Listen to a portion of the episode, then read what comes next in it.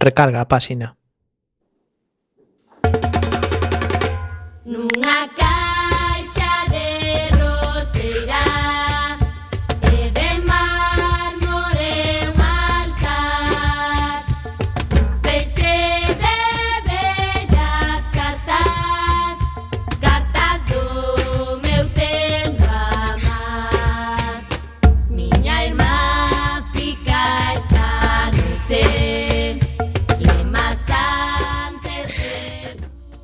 Ola, que tal, recendeiras e recendeiras, eh, recendeiras e recendeiros, benvidas e benvidos a este espazo radiofónico semanal dedicado á cultura que facemos en rigorosísimo directo todos os martes a 7 da tarde aquí en Cuac FM no 103.4 a Radio Comunitaria da Coruña.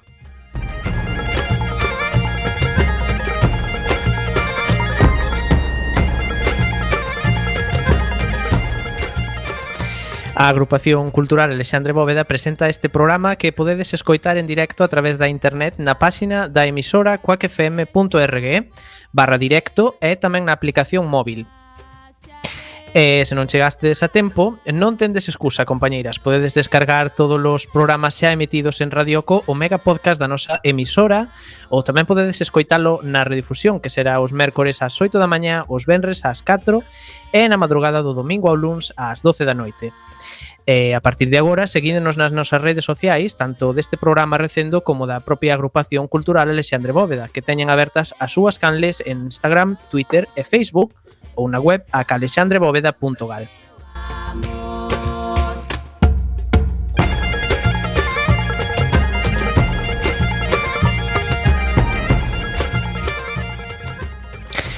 E xa sen máis imos cara a lona procura desta fantástica aventura cultural con Roberto Catoria no control técnico e falándolle Escoal Manteira, Miguel Anxo Facal e a verse Marta López.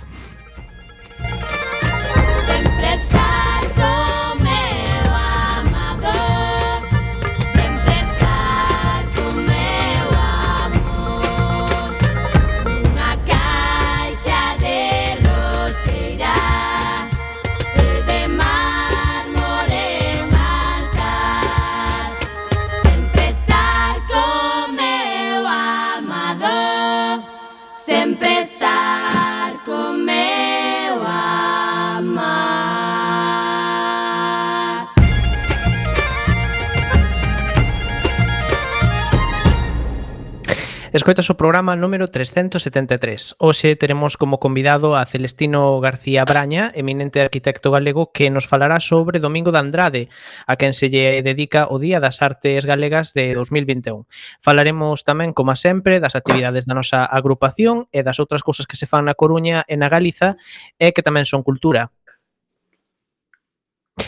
música de hoxe temos eh, poucas veces en recendo eh, o interesante grupo Roberto Sobrado e eh, Banda. Xa editaron varios discos, pero nos seguimos eh, sentindo predilección por Agasallos sen promesas editado en 2005. Presentamos xa a primeira peza de hoxe titulada Falareivos de min.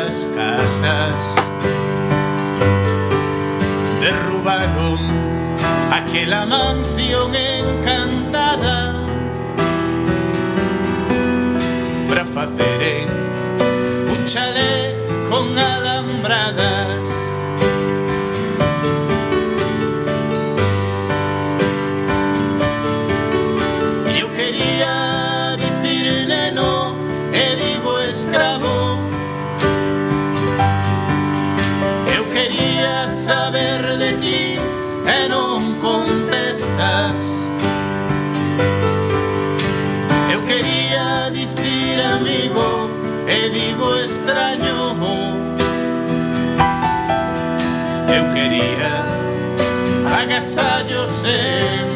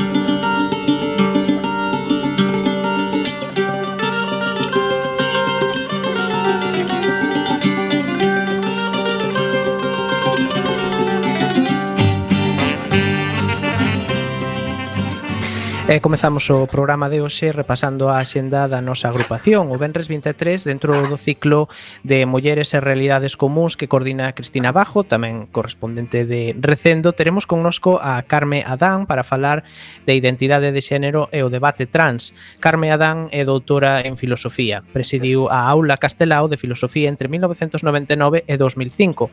Fai parte da Comisión de Xénero do Consello da Cultura Galega. Será este evento ás 7 da tarde no noso local local da Rúa Olmos 1618 primeiro. Para poder asistir, compre inscribirse nun formulario da nosa web.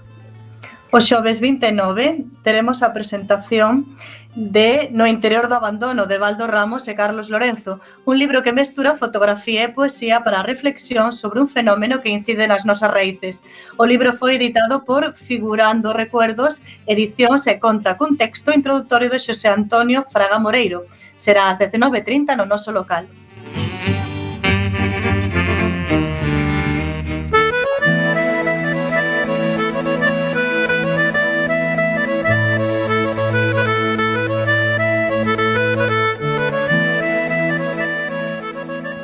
Tempo agora de repasar a xenda da cultura da, da Coruña, perdón, e comezamos polo eido audiovisual. Na programación semanal do CEGAI, o máis destacado parécenos a proxección de Crash, película dirixida por David Cronenberg en 1996. Podedes vela o mércores 21 e o venres 23 ás 7 da tarde con entrada de balde.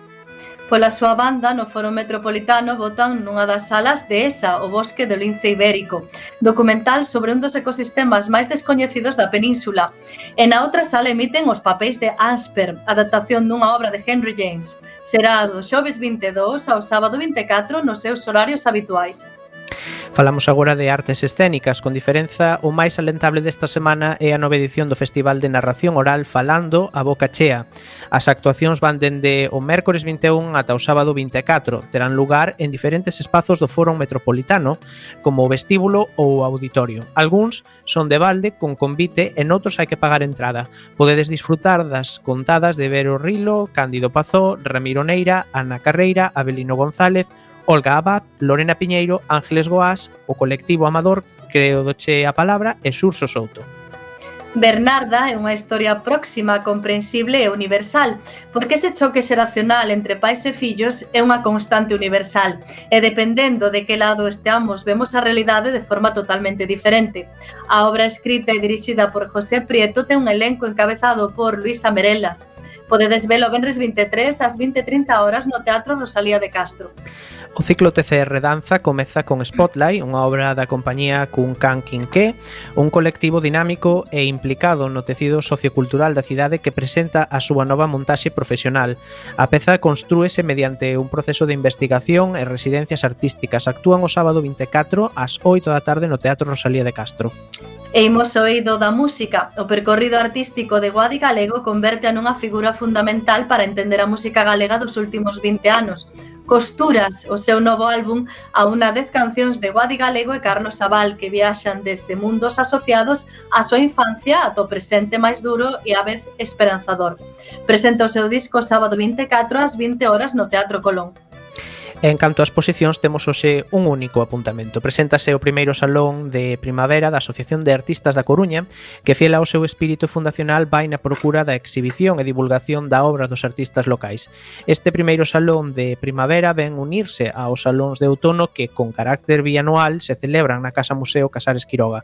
Ali mesmo poderá verse esta exposición ata finais de maio.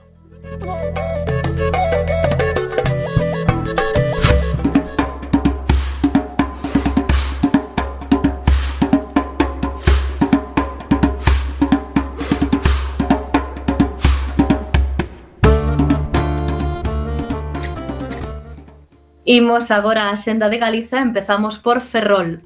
Baiuca é un proxecto musical que dá unha nova vida á tradición galega a través da música electrónica. O seu autor, Alejandro Guillán, reinventa o folclore para chegalo ao público máis novo. Actúa o sábado 24 ás 19.30 horas no Teatro Jofre.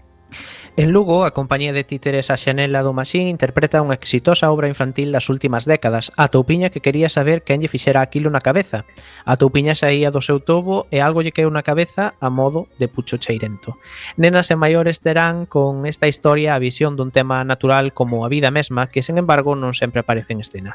Actúa o domingo 25 ás 6 e media no Auditorio Municipal Gustavo Freire. E imos a Vigo, a nova creación de La Macana, a compañía formada por Caterina Varela e Alexis Fernández, pon en riba do esteario ao propio Alexis co seu fillo Paulo de 14 anos. Pink Unicorns. Conta coa coprodución de Agadic en Galicia e de dous importantes teatros en Alemania, o Theater in Pumpenhaus e o Theater Bremen.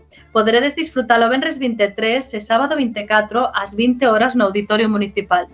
En Pontevedra, a asistencia da fotografía dunha nai co seu bebé no arquivo da PIDE servelle a Susana de Sousa Díaz como punto de partida para narrar algunhas historias que están detrás dos mecanismos de represión política da ditadura portuguesa. Diso trata Luz Obscura, que se proxecta hoxe martes 20 ás 8 e media no Teatro Principal. E subimos a Santiago illas desertas válese da experiencia e reflexión de dous dos grandes fracasos da historia, a aventura da aviadora Amelia Earhart e da expedición antártida do explorador Ernest Shackleton. Toda a obra está bañada pola súa transmisión cultural, polo seu camiño vital cara á utilidade desas cousas inútiles. Este é o novo espectáculo da compañía Artesá Cía, formada por Laura Villaverde e Roy Fernández. Actúan os xoves 22 e venres 23 ás 20.30 horas no Teatro Principal. Atentas agora as de Ourense, Arte Clásico Chamber Strings naceu en 2009 como cuarteto de corda, a partir do entusiasmo e ilusión de catro músicos de, da Orquesta de Radio Televisión Española. Actualmente están dirixidos polo rumano Eusebio Sandú, tocarán a súa música o domingo 25 ás 7 da tarde no Teatro Principal. E hoxe, como vila convidada, imos Sada. De novo aparece eh, nesta vila a Perla das Mariñas, porque está facendo un grande esforzo na programación teatral infantil. O Benres 23, ás 18.30 horas, a compañía Pedras de Cartón representa Quixote. E o domingo 25, ás 20 horas, Pérez en Fernández poñen en estea Os nenos da Variola. As dúas actuacións serán na Casa da Cultura Pintor Llorens.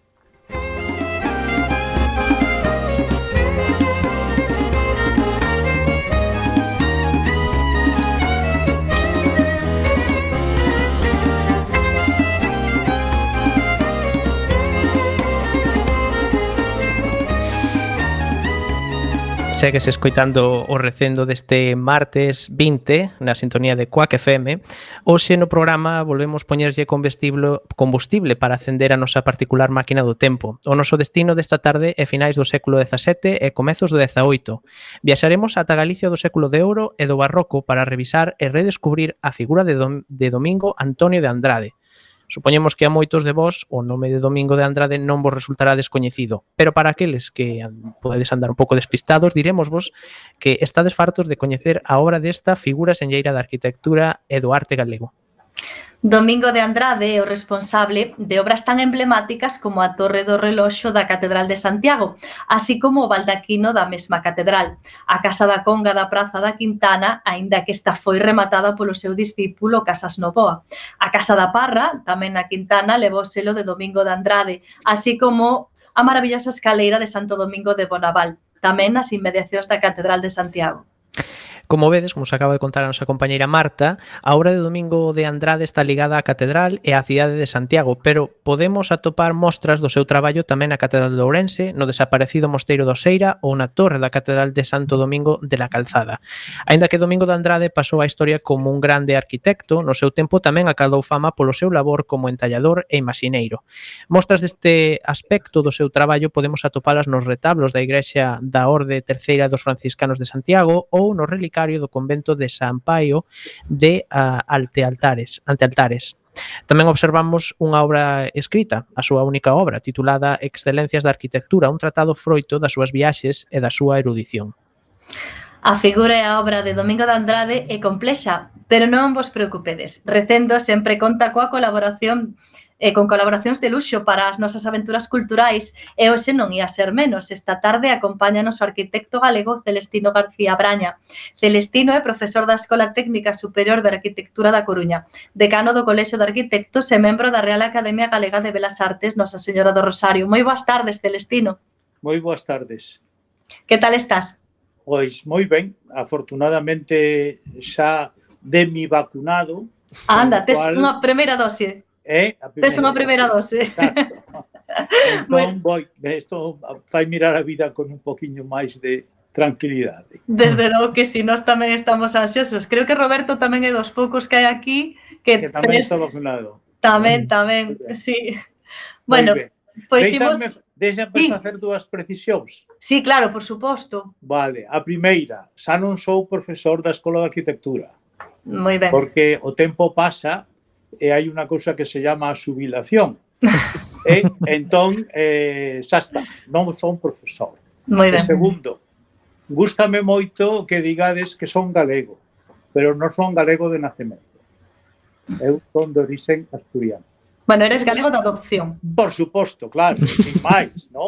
Pero, en fin, sobre todo o digo para que os eh, oyentes ou os mirantes disculpen o meu galego. Mm. Bueno, seguro o que teu, sí. O teu galego é, é perfecto, Celestino. Bueno, bueno.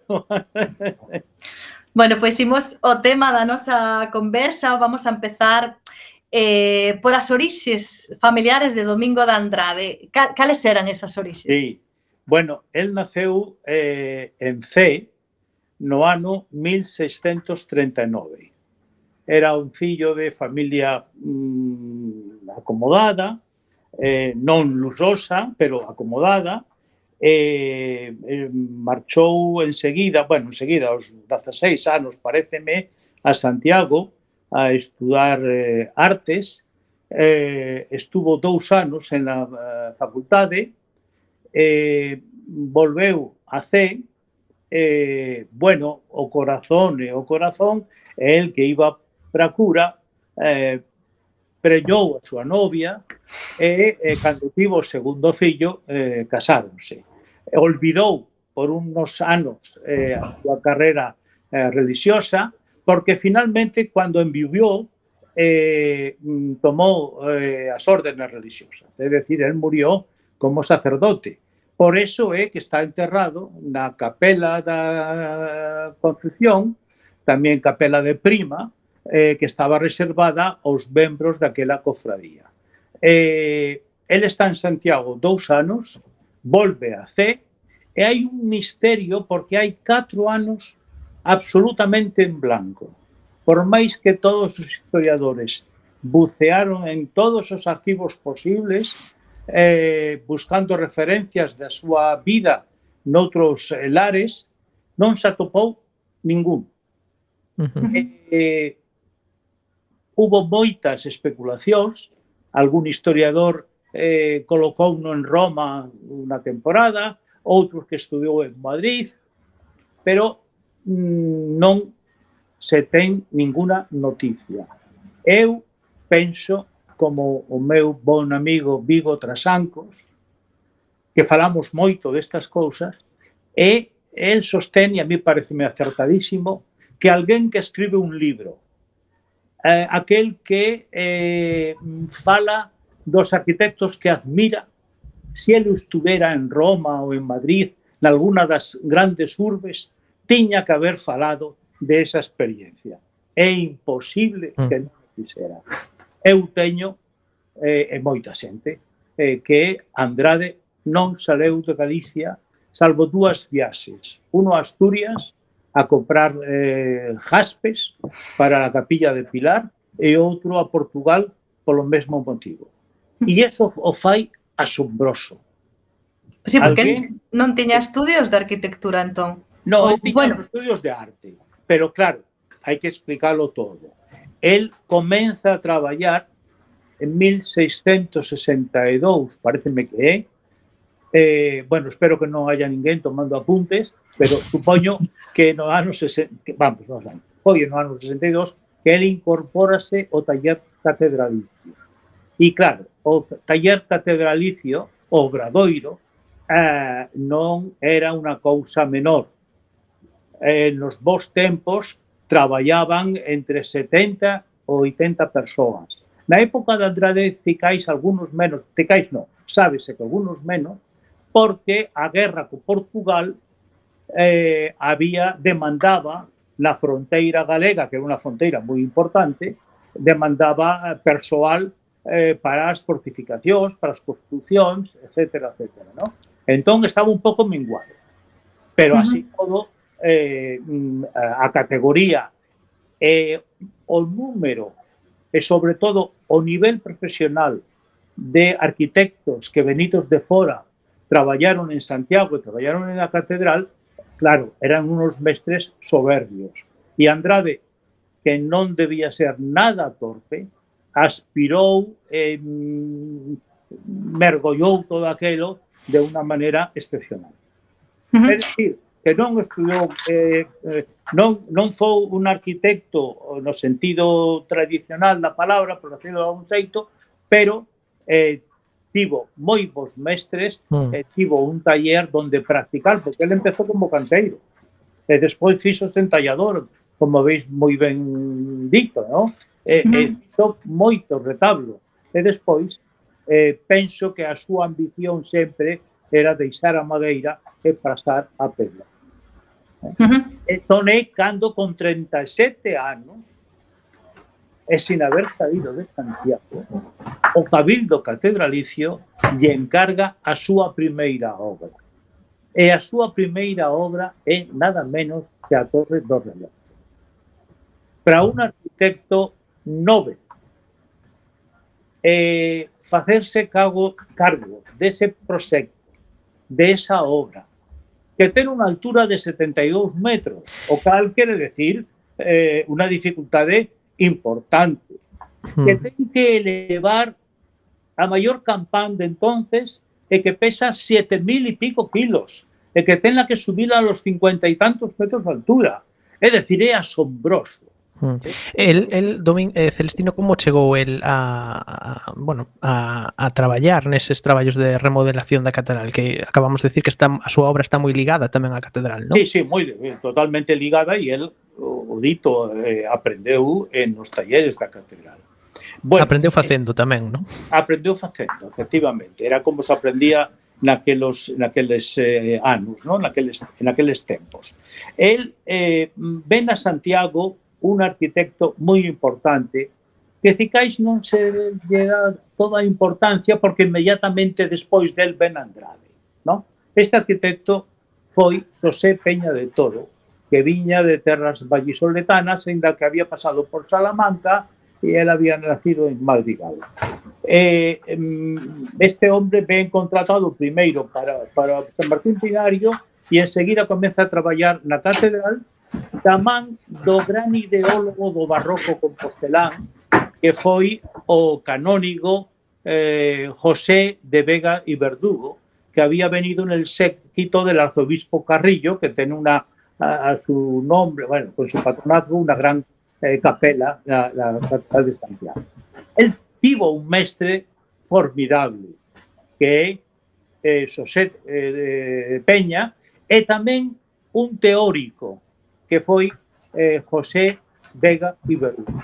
Es decir, estos dos personajes, uno desde el punto de vista eh, arquitectónico, práctico y fundamentalmente, e outro, Vega e Verdugo, como ideólogo, hombre moi viaxado, este sí, este había estado en Roma, había eh, en, feito amistade ou polo menos boas relacións con o conde Doñate, que era embaixador de España, e que a, a, a que lle había encargado Oñate ni máis ni menos que a Borromini obras en la Embajada de España. Mm. Eh, claro, aí hai un fío interesantísimo que chega a Santiago eh, que eh, encontra eh, un, un rapaz con un talento, eu supoño que mm, sorprendente, hmm. eh, eh, para os anos que tiña e de onde viña. E falando... Eh, falando do seu talento precisamente, eh, hai que dicir que primeiro foi aparellador menor, sí. despois logo maior e ao fin acabou sendo tamén mestre de obras. Mestre, eh, sí. Explicas un pouco tamén é o que distí, non? Que tivo moitas influencias e igual pois foi aprendendo e foi evolucionando. Sí. Ademais a arquitectura nestes tempos eh, funcionaba como un gremio máis ou mm, sí, como Sí, era era un gremio que tiña unas estructuras eh, claras. Él, por exemplo, en un momento determinado se queixa de un arquitecto colega no único encontronazo profesional que se lle conoce con Gabriel das Casas do que di, eh, bueno, fraile eh, e non é moi arquitecto, por decirlo no? Estoy popularizando eh, o, o. Eh, efectivamente. E además tiñan eh, unas eh, eh, ten un nombre técnico que non recordo neste momento, pero digamos como una eh, unas normas mm, unha organización. Funcionaba perfectamente eh, la procesión con sus escalafóns, etcétera, etcétera. ¿eh? Uh -huh. eh, hai, hai eh, que decir unha cousa que ficáis esa interesante, ¿no? Eh, mm, que que eh, mm, cuando se lle nombra eh, aparellador, eh, xa se dice que sustituirá a Peña de Toro. O sea que o Cabildo o nomea, por decirlo de algún xeito, arquitecto mestre de obras impectore, viviendo todavía eh, Peña. O cal quere decir que o prestixio de Andrade que tiña acumulado xa con sus poucos anos, porque 37 anos para un arquitecto non é, é, é moi novo, hmm. no? Eh, eh, habría un consenso ciudadán eh, bueno, que foi capaz de concitar en torno a súa persoa. Claro, e, e, e este consenso dentro da profesión, dentro do gremio, quizáis tamén foi o que lle axudou a ir ascendendo dentro sí. dentro precisamente do gremio, non digamos o seu currículo. Sí. sí. Eh, mm, tiña moi boas relación, relacións con os seus colegas, eh? fundamentalmente cicais con Diego de Romay, eh, mm, con el que piso conjuntamente la, uh, el paso de eh, Ribadulla eh, para a familia Montenegro. Eh, eso, esa obra eh, a fan os dous, a do no? non?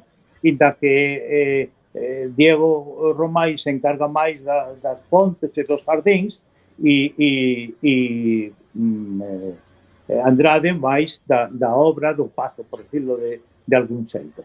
Tiña boísimas relacións e tamén boas relacións con eh, todo gremio de entallistas, canteiros, pintores, ferreiros, eh, era moi frecuente en aquel tempo que uns e outros apadrinaran a fillos, ¿no? Mm. ejemplo, Peña de Toro apadriña a una filla, la cuarta o la quinta, de Domingo de, de Andrade, que tuvo, eh, no sé si fueron oito o once fillos, no, no, de ese Mm. orden, ¿no? Eh, bueno, e ela a súa vez tiña varios apadriñados que eran eh, fillos de colegas ou de oficios del momento. El Mm. tiña estupendísimas relacións porque era un arquitecto moi responsable. Mm. Pois, eh, Celestino, imos aproveitar agora que son as sete e media da tarde eh, para facer un pequeniño descanso. Seguimos escoitando a Roberto Sobrados con un tema eh, que nos ven moi acaído neste momento que se chama Templos Modernos.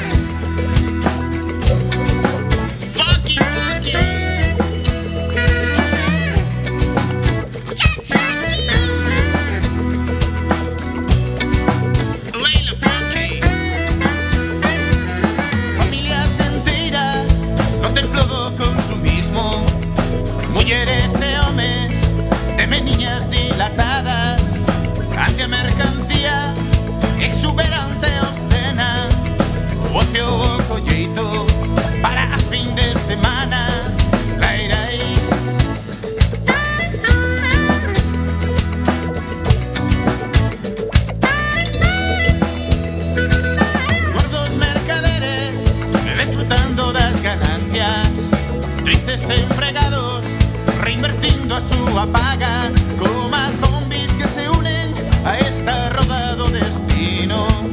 Otros programaron, este es un libre albedrío.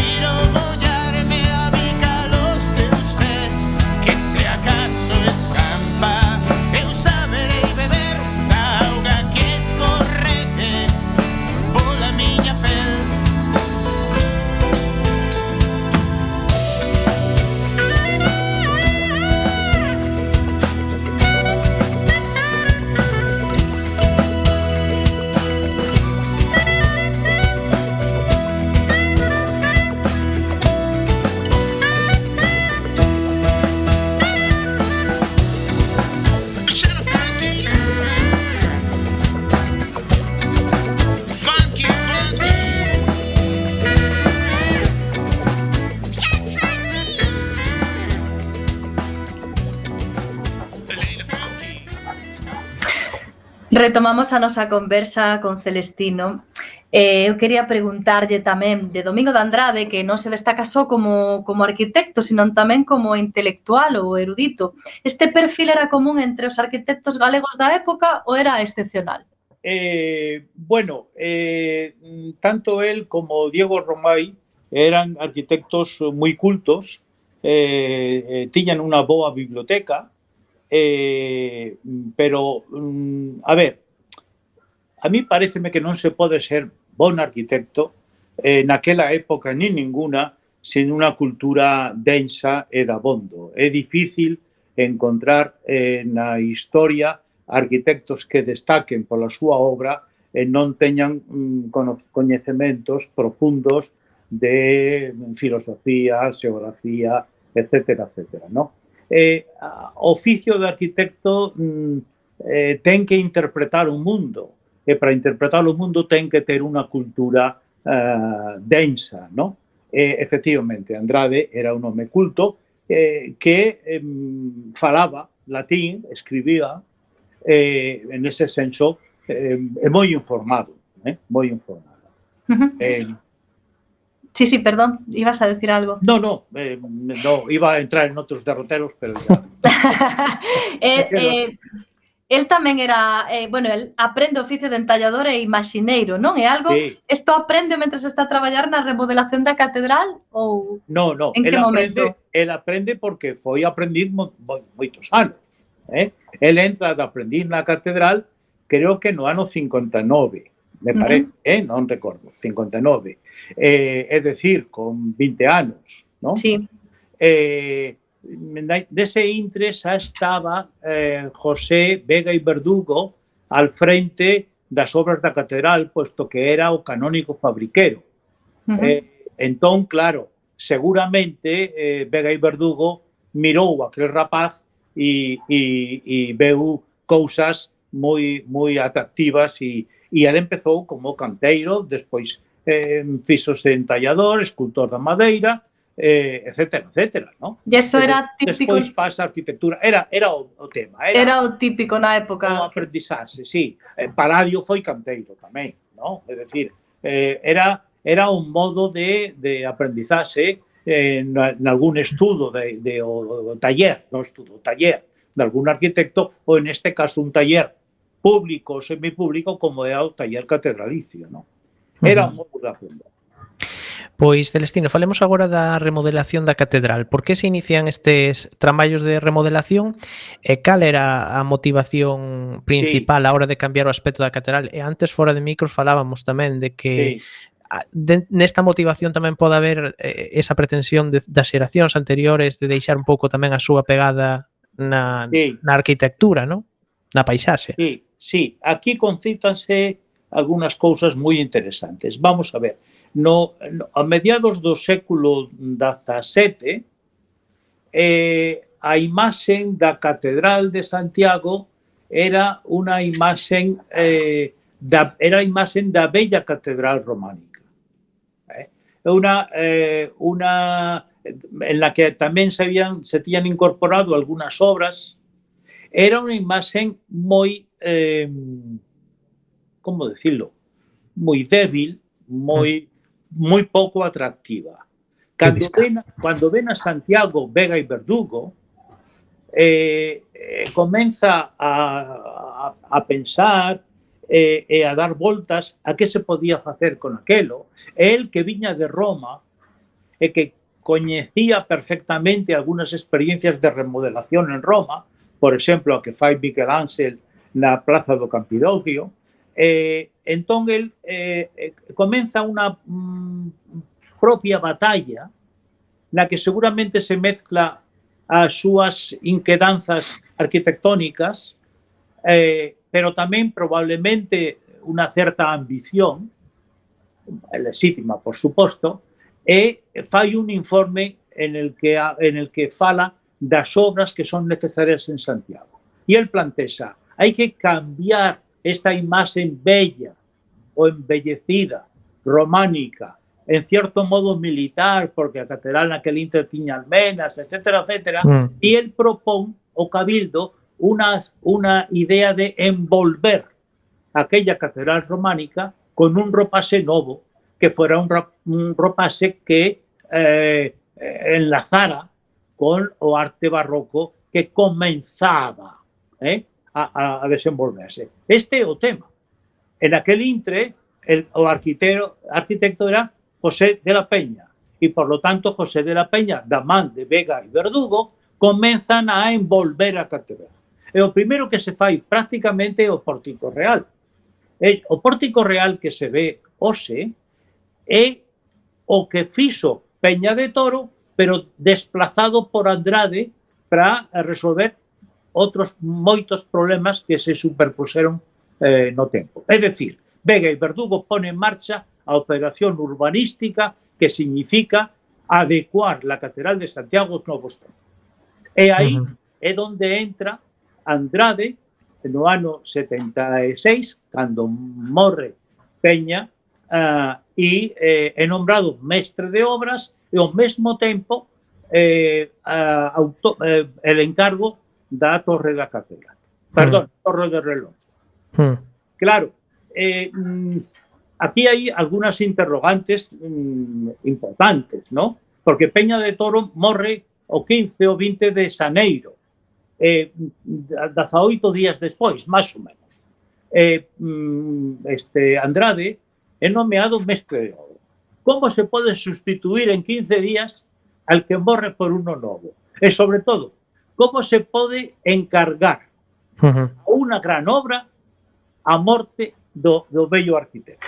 Eso tamén che quería preguntar, non? Que esta remodelación pois dura durou bastantes anos, entendemos. Sí. Eh, pasaron moitas persoas tamén involucradas nela. Como é posible que dotar esa ou, ou manter a coherencia eh, das obras ao longo do tempo? Bueno, eh, esto é un tema eh, complexo. No, no, complexo no, interesantísimo. Interesantísimo. Eh, eh, eh, fazme unha pregunta que, que é redonda. Eh, un saúdo para o noso equipo de redacción. Exacto. Mira, eh, o mirade, eh, eh, Andrade eh, faise cargo da Torre do Reloxo en 1676. Eh? Eh, un poquiño despois eh, construye o que se chama o pasadizo do tesouro, que é ese volumen que está encima da, ve da veira á esquerda da de, la, de las escaleras de platerías. Eh? Eh, eh, un poquiño despois eh, mm, fai o, o tema do pórtico real e o corpo de, de garda que está debaixo da torre do reloxo e, e abreviando, hai hasta seis obras en, esa, en ese rincón, y termina su obra y su vida en 1711 a punto de terminar a Casa da Cova. Uh -huh. Es decir, Andrade traballa 40 anos. Uh, en, é a obra da súa vida, vamos. En esa esquina, en unha sucesión de obras unha detrás de outra. É dicir, para min, mm, eh, a miña hipótesis é que eh, el eh, desde o primer momento está obsesionado por esa parte da, da, da, da cidade de Santiago eh, sin abandonar outras obras, ¿no? e mm. como nomeado a Lugo, a, a Ourense, a Sobrado, a Coruña. Eh, eh, eh ben, entón, el controla eso. Mm. Como era tanta a súa ascendencia, eu penso que el, en certo modo, con súas bonas, eh, con súas boas mañeiras, el va convencendo ao Cabildo eh, pouco a pouco para facer o que el tiña en na cabeza. Bueno, mm. eu non, sois, non sei se estou idealizando, eh? Mm. En fin, ahora estou escribindo algunhas cosas sobre isto e pareceme que argumentadamente, ¿no? Sí. El vai por diante, vai vendo, vendo mirando, sintindo, sintindo, moi importante, as necesidades que a demanda a cidade. Mm. Eh, volvamos un pouquiño agora ao presente, porque actualmente a Catedral de Santiago tamén está metida en obras de restauración, non? Eh, e o Pórtico da Gloria precisamente foi restaurado hai pouco e estivo moito moita publicidade. Que, que opinión se merecen esas obras? Bueno, a mí me parece que eh, son unas obras que somente merecen glosios. ¿eh? Eh, esta oportunidade eh, foi fantásticamente aproveitada eh, en, en na recuperación do Pórtico da Gloria todos os entendidos coinciden en que é unha obra señeira e o cuidado e a atención posta polo arquitecto eh, Javier Alonso en todo o control das obras da catedral pareceme excepcional. Eu tive ocasión de visitar algunas partes eh, da mano de, de, de Javier Alonso e pareceme que son merece recoñecemento, porque uh -huh verdaderamente temblan as pernas. Pensar que un ten que, ainda eh, que solo cesa limpar, ¿no? Hmm. Porque estamos falando de séculos aí detrás, ¿no? Neste sentido, os galegos e galegas valoramos suficientemente a nosa, a nosa arte, a nosa arquitectura? Bueno, eh, a mí pareceme que non, pero estamos a tempo. Eh? Mm. A ver, eh, é eh, Manuel Murguía o, o primeiro que fala en tempos digamos, modernos de Domingo de Andrade. É decir, hasta finales do século XIX Andrade non o nomea ninguén. Ninguén. Pérdese a, a súa a súa pista, por decirlo de, de algún xeito, non? Eh, eh, Manuel Murguía comeza a, a, a recuperar a súa figura, Antonio Bonet Correa, con súa estupenda tesis sobre a arquitectura do século XVII, volve, bueno, volve, pone en valor a, a Andrade e, bueno, esperamos que esta, esta idea da Real Academia de propoñer o ano 20 e tamén prolongouse o ano 21, eh, dedicando este ano ou estes dous anos a recuperar a figura de Domingo de Andrade para que realmente empecemos en Galicia a valorar eh, la obra excepcional de este arquitecto. E sexamos conscientes de todo o que aportou a arquitectura. Uh. Celestino, e falando da obra precisamente de, de, de Domingo de Andrade, unha das máis coñecidas é a Torre do Reloxo da Catedral. Sí. Eh, por que era necesario modificar a Torre da, da Berenguela? Que daquelas, pois, pues, bueno, xa case era un símbolo da catedral, claro, non? É da claro, cidade. Moi, moi interesante. Vamos a ver, eh, eh, a arquitectura é un arte colectivo. Eh? Eh, mm, eh, eh, sobre todo en tempos pasados, era necesario concitar moitos esforzos, concitar moitos diñeiros. Claro, unha pregunta que é mm, clarísima é, pero como é posible que Santiago daquela apenas tiña 15.000 habitantes, é dicir, non chegaba, e é capaz de facer en 4 anos a Torre do Reloxo. De onde viña o diñeiro para facer eso? Bueno, pues... o voto de Santiago era para o que servía, ¿no? O voto de Santiago que pagaban os campesiños de Granada e de Extremadura e de, e de moitos rincóns da, da, de España eh, viñan a Santiago por aquelo del voto de Santiago e eh, efectivamente eh, Santiago, o Cabildo de Santiago fundamentalmente tiña cartos, ¿no? Eh, ben, eh, que, que era eh, lo que había antes da Torre do Reloxo? Había o que se, se chamaba o eh, fincapé dos ouribes, é dicir, eh, ouribes eh, plateros e eh, mm, alá por o ano 1440 e tantos eh, a catedral eh, tenía serias eh, mm, grietas, serios males que amenazaban caerse. Entón, fixeron un, o, o torreón que está debaixo que é a torre que ti chamas da Berenguela, inda que non, Berenguel non tuvo nada que ver con, con la torre, como ben sabido, no? Bueno, eh, o certo é que eh, o Cabildo, eh, o, o José Vega e Verdugo, todos juntos, pensan que o Torreón pode ser o arranque de unha nova torre. E aquel Torreón que tiña treinta e tantos metros de altura acaba subendo hasta os 32. Que necesitaba Bueno, necesitaban moitas cousas. Necesitaban un reloxo, no? Xa tiña, porque o reloj eh, en Santiago creo que chega a 1550 e tantos, ten años antes de facelo Andrade, no?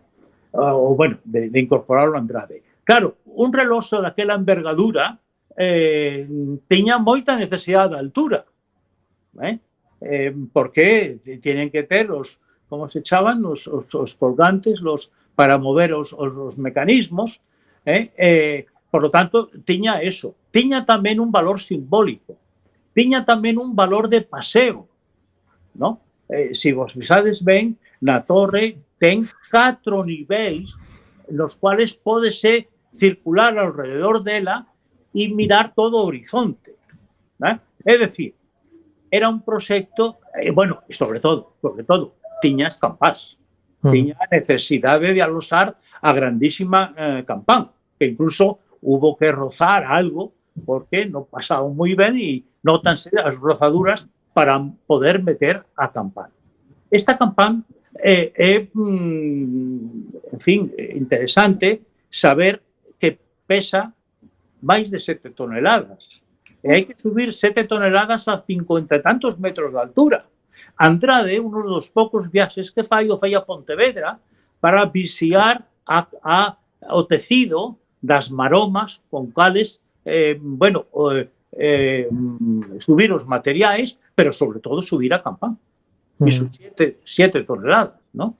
Mm. Uh. É dicir, que eh, foi un, un símbolo, porque Santiago tiña naqueles momentos, un antes, antes unha pugna tremenda eh, con Santa Teresa, eh, San Miguel, eh, eh faltame uno, non recordo agora, eh, que eran santos que propuñan outras instancias eh, eh, do, do país, en aquel, de España, eh, e Santiago hubo un momento incluso durante unos meses ou unos anos que, per, que perde o patronazgo.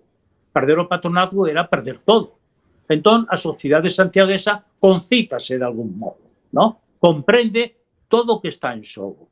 e, em, eh, é, mm, é a envoltura da catedral e a torre do reloxo era o gran símbolo. A arquitectura sirve para afianzar as institucións, sirve para, eh, como se dice, encumbrar o poder, darle, darlle eh, pulo, darlle eh, prestigio. ¿no? Todos os gobernantes procuran deixar alguna obra. Bueno, pois pues aqueles gobernantes tamén. Vega Verdugo comprendeu todo isto e encetou todo o proceso que despois continuou anos e anos eh, despois que el se fora, porque el marcha de Santiago en 1973, tres anos antes de que comenzara a Torre do Relós. Uh -huh. Pero el había postos a, a simente de todo o que era necesario facer en Santiago. Eh, é un empeño colectivo, perdoade, eh? Sí, sí, non, sí, non, sí. non se pode entender isto se non se mira e se non masinamos a sociedade eh, compostelán detrás de eh, facer eh, unha cidade para o peregrino, unha cidade para o visitante, que era unha cidade que defendía o voto e as ventaxas que tiña o voto, claro, non era gratuito todo isto. Non somente era olor de santidade, eh? Ujú.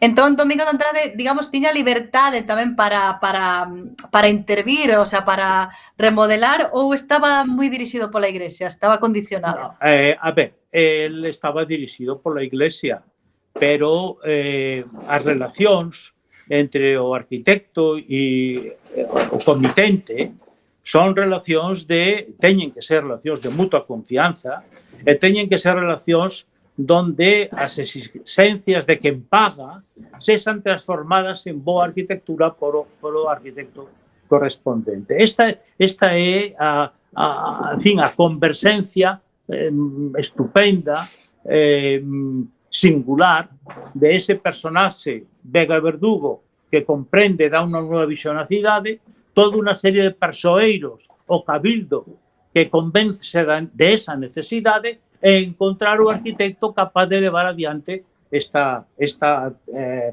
tarefa, ¿no? Uh -huh. sin, sin, un bon cliente, sin un bon encargante que entende onde quere chegar, eh, eh, o arquitecto ten pouco que facer. Aquí había un gran arquitecto. Fijaros ben unha cousa.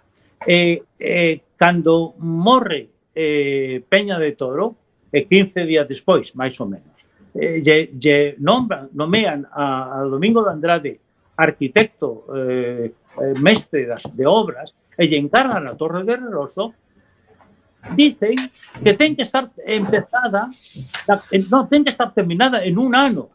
Mire, unha tolería.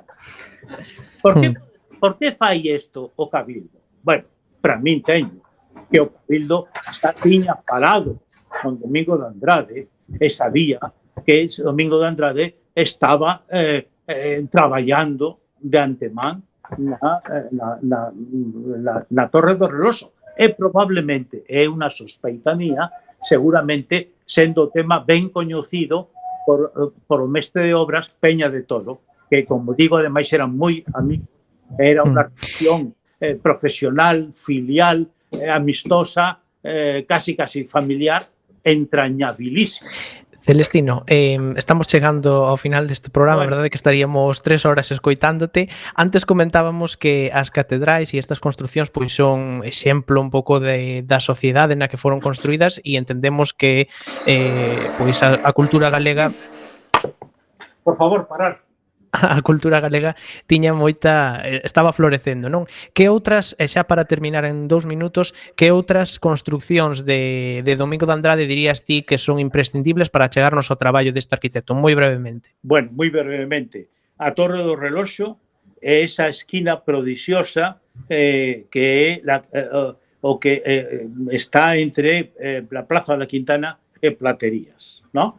Eh, en Santiago ten outra obra excepcional, que é o claustro de Bonaval, donde está aí, donde está a famosa escaleira eh, que todo o mundo que visita Santiago vai mirala e asómbrase, ¿no? A escaleira eh, de triple helicoide, eh, que xa había algún apunte de, un arquitecto moi importante italiano, Serlio, e eh, Palladio, pero a proposta e a realización que fai Andrade vai moito máis lonxe que calquera dos dibuxos que deixaron estos mestres eh, eh, italianos, ¿no?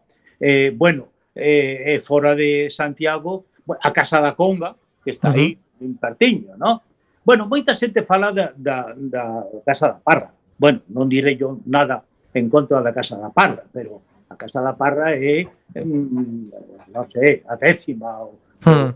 en la- la- de categoría de las obras de, de Andrade. A Casa da Conga é importantísima porque pecha magistralmente eh, a a Quintana, ¿no? Ujú. eh, eh, despois ten eh, en San Francisco, en, en Belvís, en Santa Clara, eh, bueno, todo o mapa cidadán está cheo. Vaya, que Compostela Compostela está inzado de, de obras de Andrade, ir con, sí, unha, con unha guía, con un mapa, con, con puntos para visitar toda a obra deste, deste arquitecto que este ano se lle adica o Día das, eh, o Día das Artes Galegas.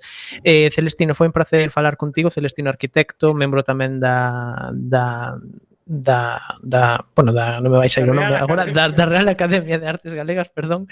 Eh, nada, moitísimas grazas por estar connosco aquí a no vos, recendo. A ocasión de falar de Andrade. Pois, Moitas eh, gracias. Moitas a grazas. Vos, a vos, insisto, gracias. E sen tempo para máis odiseas, imos chegando a fin do camiño deste recendo. Despedimos o programa de hoxe agradecendo aos nosos convidados que, como sempre, foron de honra. Hoxe xa, como vos acabamos de decir, estivemos falando con Celestino García, arquitecto e membro da Real Academia Galega de Belas Artes, e agradecendo a semente pedra angular de todo o noso comando e equipo de producción formado por Javier Pereira e Roberto Catoira. E aquí estivemos Eh, Roberto Catoira nos controis e co alentudo micrófono Miguel Anxo Facal e eh, Marta López. Miña irmá Eh, acompañándote neste recendo de palabras e de imaxes radiofónicas que nos traen este aroma cantado na nosa lingua e que nos permite hoxe e tamén no futuro a permanencia da palabra, da música, da implicación e o